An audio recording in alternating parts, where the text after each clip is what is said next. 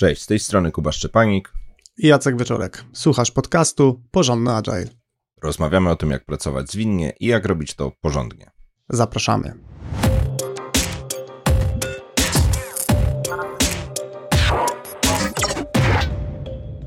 Bardzo dobrze pamiętam historię, która wydarzyła się no na pewno z 10 lat temu, kiedy pracowałem jako Scrum Master w świeżo wystartowanym zespole. E, mieliśmy w tym zespole product ownera, osobę z biznesu, z którą generalnie bardzo dobrze się nam współpracowało. I pamiętam dzień, w którym ten product owner przyszedł do zespołu e, z taką dosyć dużą potrzebą, żebyśmy zostawili to, co aktualnie robimy i żebyśmy zrobili jakiś tam konkretny feature, jakąś zmianę w produkcie, która jest, e, która była, wydawało się rzec, e, istotna na tamten moment. I mm, cała długa historia rozmowy z product ownerem, powinna się tutaj pojawić na zasadzie, czy na pewno musimy to robić, czy na pewno to jest ważne. I dzisiejszy odcinek będzie właśnie o tym, jak radzić sobie z wrzutkami w skramie. Przy czym dodefiniujemy, co to znaczy wrzutka. Mamy tu na myśli nieplanowaną pracę, która pojawia się w trakcie sprintu, ale nie są to rzeczy krytyczne związane z e, wszelkiego rodzaju utrzymaniem, stabilnością, opieką e, rozwiązania, które już funkcjonuje na przykład e, produkcyjnie. Więc Wrzutką dla nas w, tym, w ramach tego odcinka nie są awarie, krytyczne błędy, czy jakiś taki techniczny maintenance, techniczne utrzymanie. Mamy tu na myśli tylko te rzeczy, o których właśnie Jacek w przykładzie powiedział, czyli e, czy to product czy interesariusze, czy ktoś spoza zespołu przychodzi z pilną potrzebą rzucenia wszystkiego, albo do tego, co robimy, dołożenia jeszcze jakiegoś elementu, kawałka funkcjonalności, jakiegoś e, zadania, kawałka zakresu, którego do tej pory nie przewidywaliśmy. No i to cechą tej wrzutki jest to, że jest ona pilna, czyli niekoniecznie ląduje w backlogu produktu, tylko jest oczekiwanie, że będzie zrealizowana y, as soon as ASAP. I y, o obsłudze rzutek możemy pomyśleć y, na zasadzie pewnych skrajności.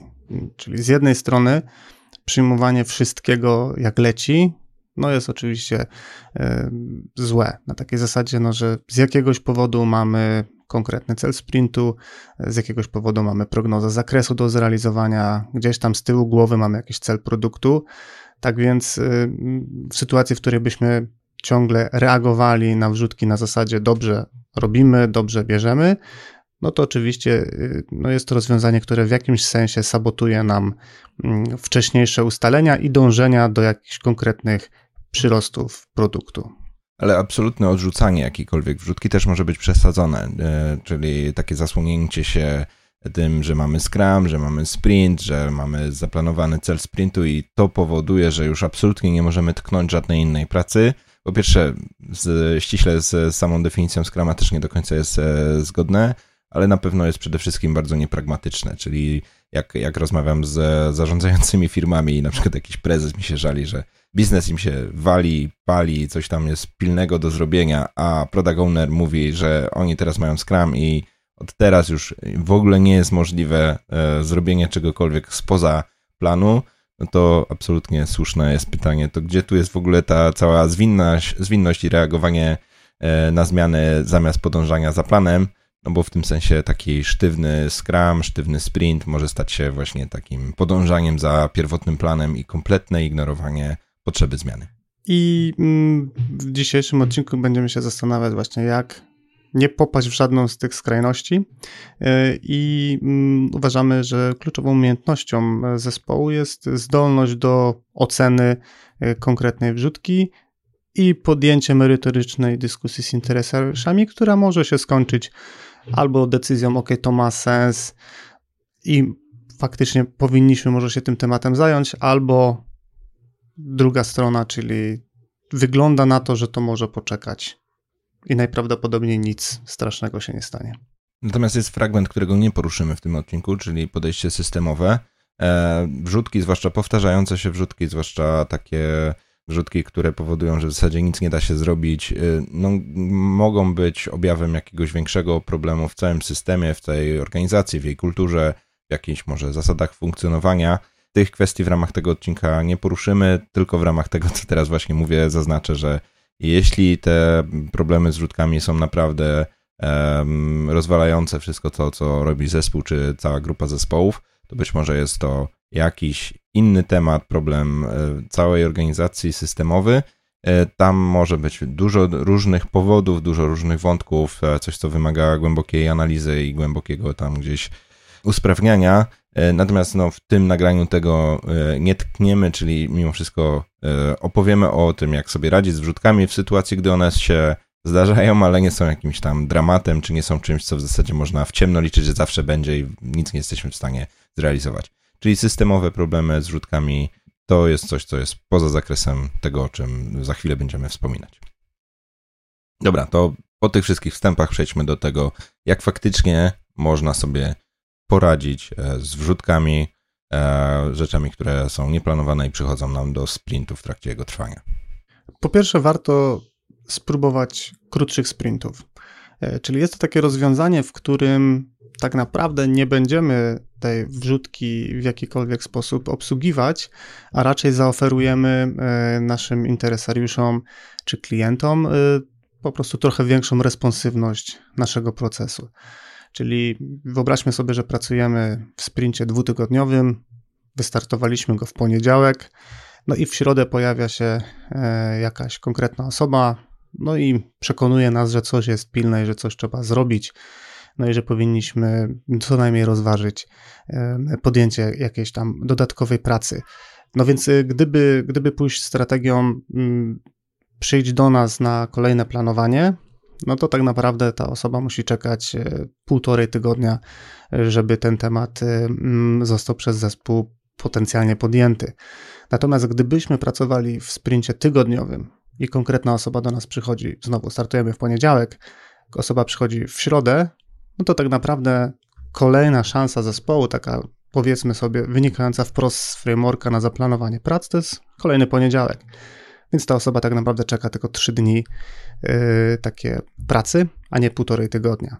Tak więc y, jest to, jest to taka mm, dosyć prosta, y, dosyć prosta metoda, czy dosyć prosty patent na to, żeby po prostu zwiększyć częstotliwość tych sesji planistycznych, przez to ten, y, nazwijmy to, pociąg zespołowy odjeżdża częściej i częściej mamy możliwość zmiany prognozy zakresu, którą planujemy na sprint. Dla niektórych ta porada może wydawać się oczywista, a inni w ogóle mogli jej nie rozważać. E, ci, co nie rozważają tego, mogą czasem wpadać w pułapkę takiego mainstreamowego podejścia do Scrama. Częścią mainstreamowego podejścia do Scrama dla mnie jest e, dwutygodniowy sprint, czyli sprint musi mieć dwa tygodnie. E, po pierwsze, nie jest to zgodne ze Scrumem. To jest na pewno pewna norma. To jest w sensie, jeśli myślę o Scrama, Scrumowych zespołach w różnych organizacjach, to one najczęściej mają te dwutygodniowe sprinty, ale no tutaj akurat w kontekście wrzutek, jak o tym mówimy, to, to jest ten przypadek, że być może częstsze to okienko planistyczne, też krótszy horyzont takiego troszkę zabetonowania, czy takiego może z, z, zamknięcia tych naszych planów. E, no, jeśli to okienko jest, jest częściej, to tak jak Jacek mówi, jest też być może mniejszy stres wynikający z tego, że pojawia się jakaś rzutka i trzeba ją e, w, wprowadzić. Mm, w przypadku tych e, krótszych sprintów, y, taka jakby rada taka trochę dodatkowa, e, wspierająca to, co mówimy, to też jest e, częściej prawdopodobnie ten proces refinementowy, czy te okienka planistyczne to jest jedno, a dwa, że być może jest też więcej okazji do częstszego refinementu. Zespoły refinementy sobie rozwiązują na różne sposoby, no ale zespoły, które mają tygodniowy sprint, prawdopodobnie te refinementy też mają dosyć gęsto, dosyć często, być może też ta okazja do tego, żeby porozmawiać, e, też się pojawia, pojawia częściej. Więc tutaj e, nie wpadajmy w pułapkę takiej normy, rutyny i zastanówmy się, czy te krótsze sprinty nie spowodują, że nie tyle rozwiążemy problem rzutek, tylko po prostu te wrzutki nie będą na tyle pilne, że i będą mogły poczekać na przykład parę dni, bo najpóźniej za parę dni będzie kolejna okazja do tego, żeby mhm. rozpocząć pewną pracę. Druga porada to zaplanuj bufor. Jeśli nasze e, sprinty od czasu do czasu miewają wrzutki, jeśli taki jest nasz produkt, jeśli takie jest nasze otoczenie i spodziewamy się, że te wrzutki będą, no to tutaj takie rozwiązanie jakby pośrednie radzenia sobie z wrzutkami to po prostu sytuacja, w której nie jesteśmy zaplanowani na 100%, zostawiamy sobie trochę przestrzeni czasowej na sytuacje nieprzewidziane, No i te sytuacje nieprzewidziane to mogą być między innymi wrzutki, więc fakt, że się pojawia w środku sprintu wrzutka nie powoduje między innymi na przykład zawalenia celu sprintu albo nie powoduje, że absolutnie nie jesteśmy w stanie sobie już poradzić i się nie wyrabiamy i jest tragedia, tylko raczej czekaliśmy, mamy przygotowane miejsce na tą wrzutkę. Oczywiście musimy ją rozważyć, czy ma ją sens robić, ale przede wszystkim nie ma tych dramatycznych konsekwencji wrzutek, czyli całkowite rozwalenie planu, rozwalanie też e, częściowo rozgrzebanej roboty, bo musimy się szybko przełączyć na jakieś e, inne zadanie. I ta wielkość bufora, o którym Kuba mówi, warto go sobie zbudować na podstawie danych historycznych, czyli e, w sytuacji, w której wrzutki co jakiś czas się pojawiają w zespole, no to wystarczy je albo policzyć e, na zasadzie ile ich było, albo można spojrzeć na to, e, jak duże one były, czy ile czasu zajęły zespołowi. No i po prostu ten bufor wtedy nie będzie ani za mały, ani za duży, po prostu będzie jakiś tam uwzględniał to, z jaką intensywnością takich wrzutek e, możemy się spotykać. Tak więc no, generalnie uważam, że warto jednak szukać e, danych i, i liczb i na tej podstawie podejmować decyzje. No w przypadku bufora wielokrotnie słyszałem pytania, jak duży powinien być ten bufor. Moją naturalną odpowiedzią jest użycie danych historycznych.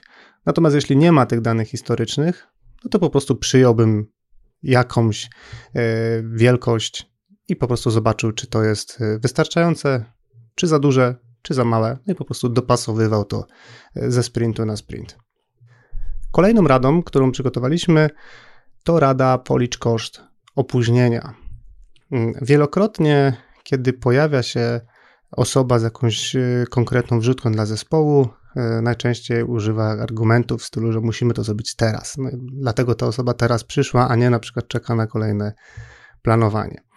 E, I to co, to, co e, proponujemy, to podejście, w którym faktycznie zastanawiamy się, czy opóźnienie realizacji tego zadania będzie nas kosztować. Jeśli będzie nas kosztować, to ile będzie nas kosztować? Czyli przykładowo wyobraźmy sobie, że e, rozwijamy, rozwijamy jakąś aplikację e-commerce'ową, no i powiedzmy przestała nam działać możliwość udzielania kredytu osobom, które chcą kupić na naszej stronie żeby teraz y, wyciągnąć z tej, z tej sytuacji jakieś y, konkretne informacje, no to warto byłoby się zastanowić, jak dużo pieniędzy firma straci w momencie, kiedy przez na przykład 3 dni nie będziemy w stanie y, tych rad udzielać.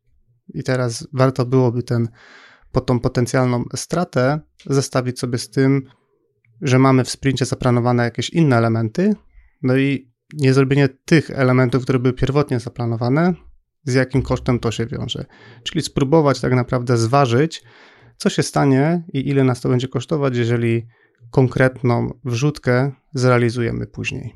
I możecie to usłyszeć już nawet w tym, jak Jacek o tym mówi, że to jest e, metoda bardzo taka analityczna, bardzo taka rozważna. My tutaj nie decydujemy, czy ten, kto przychodzi z wrzutką ma rację, czy my mamy rację, że ją chcemy odrzucić, bo to najczęściej jest taki, taka domyślna postawa, tylko raczej rozważamy alternatywy scenariuszu, w którym my opóźniamy trochę nasze rozwiązanie i ono będzie później na rynku, później będzie zarabiać, to stracimy jakąś przewidywaną mm, kwotę, czy może nie, nie, nie zarobimy na jakichś oszczędnościach. No i w scenariuszu B mamy tą jakąś e, pilną potrzebę, ile zyska firma, jeśli ją szybko zrobimy. Mm, zrobimy ją kilka dni wcześniej, bo tak naprawdę to też nie jest kwestia, nie zrobimy, nie zrobimy, tylko zrobimy ją wcześniej lub później. No i, no i co się stanie w tym scenariuszu, że jednak ją odłożymy i, i przez jakiś czas to będzie nie funkcjonowało. No i sytuacje są różne. Tutaj warto, warto naprawdę docenić tą mnogość możliwych e, scenariuszy, że no jakaś drobna pierdoła, kilka dni roboczych e, całego zespołu może czasami robić gigantyczny wynik i, i jednak ważniejsze będzie zareagowanie na to, że porzucenie pierwotnych planów i zrealizowanie tej wrzutki.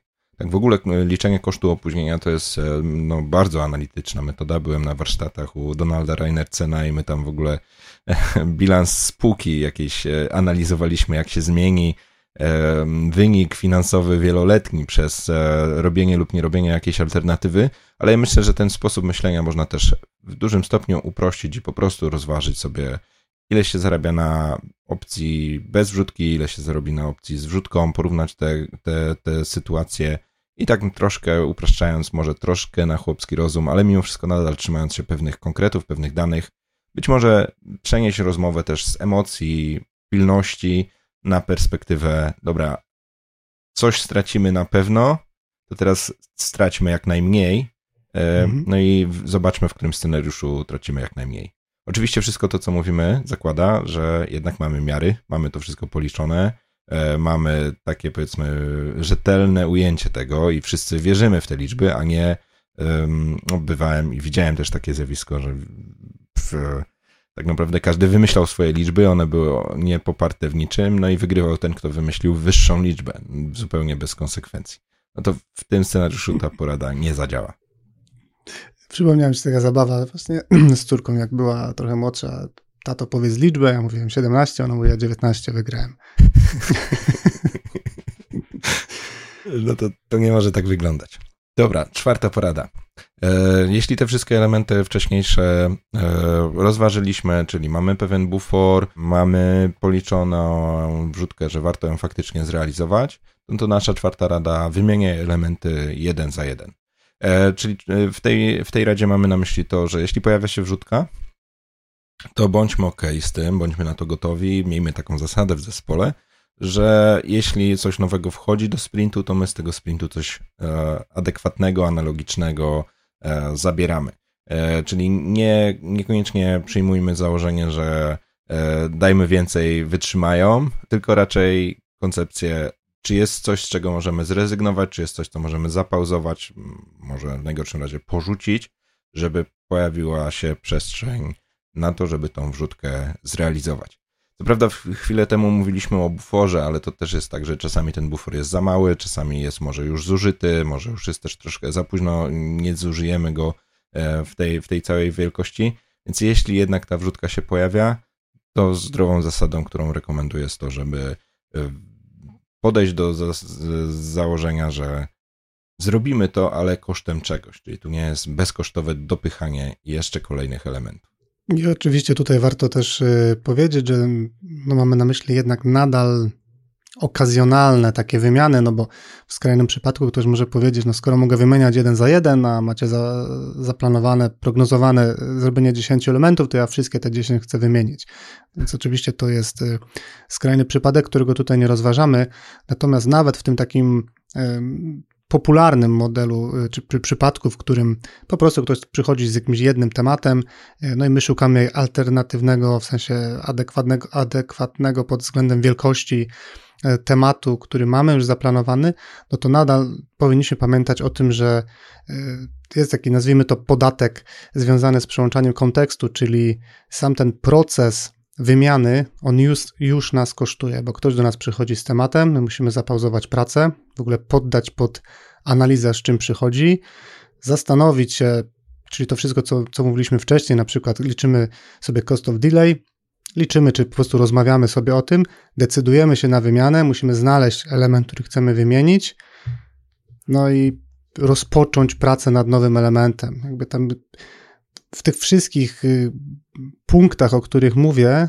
no my tak naprawdę tracimy czas, tracimy kontekst, to, to nas kosztuje, więc y, warto tutaj pamiętać o tym, że to nie jest bezkosztowe, więc ta wymiana jeden, jeden za jeden brzmi tak bardzo, że w sumie jest równo, natomiast cały ten proces, on też ma swój koszt i warto po prostu o tym pamiętać.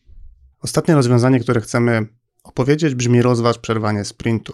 Jest to rzadko spotykane e, rozwiązanie, natomiast nadal możliwe i przewidziane też przez e, twórców Scrama. Polega ono na tym, że jeżeli zmiana, która przychodzi do zespołu, powoduje, że cel sprintu przestaje mieć tak naprawdę sens, czyli coś tak dużego dostajemy do zespołu, że no właściwie no już wiemy, że cel sprintu jest nie do zrealizowania, e, no to mamy taką e, możliwość, żeby sprint przerwać. Ja bym może nawet e, lekko skrygował to, co powiedziałeś, że nie tyle cel sprintu nie ma sensu, tylko coś innego ma sens jeszcze większy, czyli czyli no ta wrzutka prawdopodobnie jest tak pilna, tak ważna, cały los firmy zależy od tego, żeby rzucić wszystko, co robimy i zacząć to robić, no to tutaj nie zapomnijmy właśnie o tym, że Scrum przewiduje taki scenariusz, że możemy przestać robić to, co robimy e, i, i po prostu zabrać się za to coś nowego, skończyć ten poprzedni sprint wcześniej niż planowaliśmy i, i w takim razie rzucić wszystkie siły na to, co jest tutaj jakąś taką naprawdę E, ponadnormatywną wrzutką, taką, która uzasadnia wszystko, co, e, co musimy zrobić, żeby, żeby to zrobić. Ja myślę, że dwa, może trzy razy w życiu widziałem przerwanie sprintu, czyli no, to, to, to jest powiedzmy ta częstotliwość, jak mówimy, że rzadko, natomiast no, występuje w przyrodzie i e, gdy ostatnio rozmawiałem podczas warsztatów z grupą Scrum Masterów z jednej z firm, to też pojawiały się osoby, które mają takie doświadczenie i ta skala była porównywalna na zasadzie jeden, dwa razy w trakcie, nazwijmy to, kariery zwinnej, więc nic takiego, co by się działo e, co tydzień czy raz w miesiącu. Natomiast jeśli w organizacji do Scrama podchodzimy w miarę poważnie i to przerwanie sprintu faktycznie jest e, rzadkością, no to jednak gdy go zastosujemy, no to też wszyscy czują powagę sytuacji. No i ten scenariusz, rozważany scenariusz, czy bierzemy rzutkę, czy przerywamy w związku z tym sprint, no po prostu ma swój, ma swój kaliber.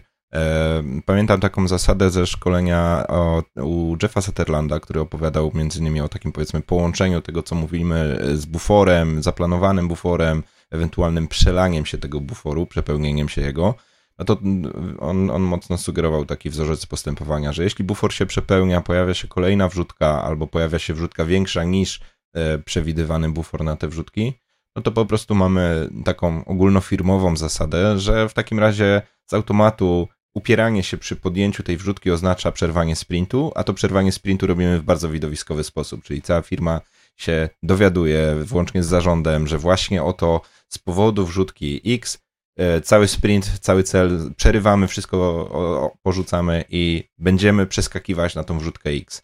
I to jest o tyle istotne, że to jest taki pewnego rodzaju bezpiecznik, że bardzo przejrzyście, w bardzo transparentny sposób realizujemy pewną wrzutkę. Bo tutaj może tak niedopowiedziane wcześniej jest to, że osoby, które się na taką wrzutkę na przykład upierają, mogą mieć swój prywatny interes, taki organizacyjny, ale jednak swój własny interes w tym, żeby robić to, co one chcą, a nie to, co jest planami rozwojowymi danego produktu.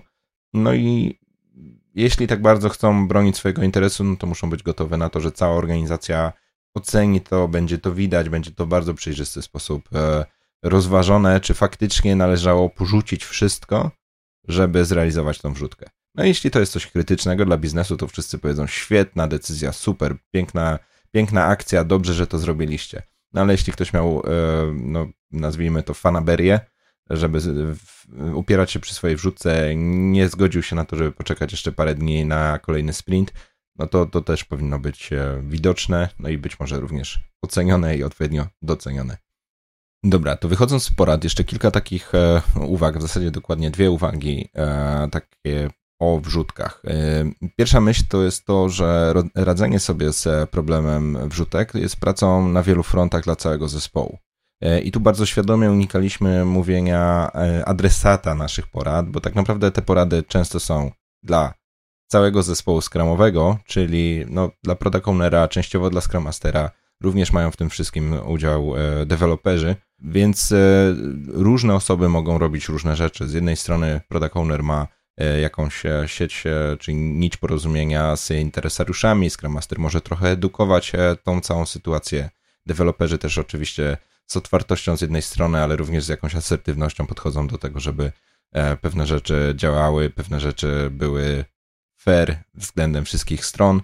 Więc tutaj to, jak radzimy sobie z wrzutkami, jest grą zespołową i absolutnie nie możemy zostawić jednej ze stron, albo tylko oczekiwać, że jedna ze stron, czy jedna z części zespołu skramowego będzie tutaj tamą, albo będzie sobie dawać radę, albo będzie ponosić konsekwencje. Natomiast jeżeli wrzutek jest y, bardzo dużo i właściwie występują cały czas i można odnieść wrażenie, że właściwie nasza praca to cały czas są wrzutki, a nie coś, co można mm, zaplanować, przewidzieć, ubrać w jakieś ramy, to warto rozważyć, czy na pewno, albo czy aby na pewno praca w Scrumie to jest y, najlepsze rozwiązanie. Scrum jednak zakłada, że materia, którą się zajmujemy, jest w jakimś stopniu pod e, naszą kontrolą. Jak słyszycie, nie wyklucza jakichś tam zmian, zresztą nie bez powodu mówimy o prognozie zakresu. Mm, natomiast y, jeżeli to jest cały czas praca taka ad hocowa i reagowanie na wrzutki i to faktycznie ma sens organizacyjny, no to ja bym się zastanowił, y, czy nie zainspirować się inną metodą e, pracy, a niekoniecznie opierać się, że chcemy e, pracować w skramie. Podsumowując e, treść tego odcinka, jak można sobie poradzić z wrzutkami? Wrzutki są mniejszym problemem, jeśli stosujemy krótsze sprinty. Można też na nie zaplanować bufor czasowy, więc ich pojawienie się nie powoduje zawalenia całego planu pracy. Jeśli pojawi się wrzutka, warto policzyć koszt opóźnienia i gdy już bierzesz ją do sprintu, wymień ją jeden do jeden z wcześniej zaplanowanym elementem. Jeżeli żadna z powyższych opcji nie wystarcza, wtedy product owner może przerwać sprint. E, na moment nagrania mam dosłownie dwa ostatnie e, miejsca na warsztaty z case studies, e, prawdziwe przypadki skramowe, które odbędą się 16-17 maja w Warszawie. Reszta grupy już się cieszy i grzeje na to, że będzie fajna praca warsztatowa. Zapraszam, jeśli jeszcze się wahasz, zapisy na 202%.pl łamane na przypadki myślnik skramowe. Natomiast notatki do tego odcinka, artykuł, transkrypcję oraz zapis wideo znajdziesz na stronie porządnyagile.pl łamane na 86. I to by było wszystko na dzisiaj. Dzięki Kuba. Dzięki Jacek. I do usłyszenia wkrótce. wkrótce.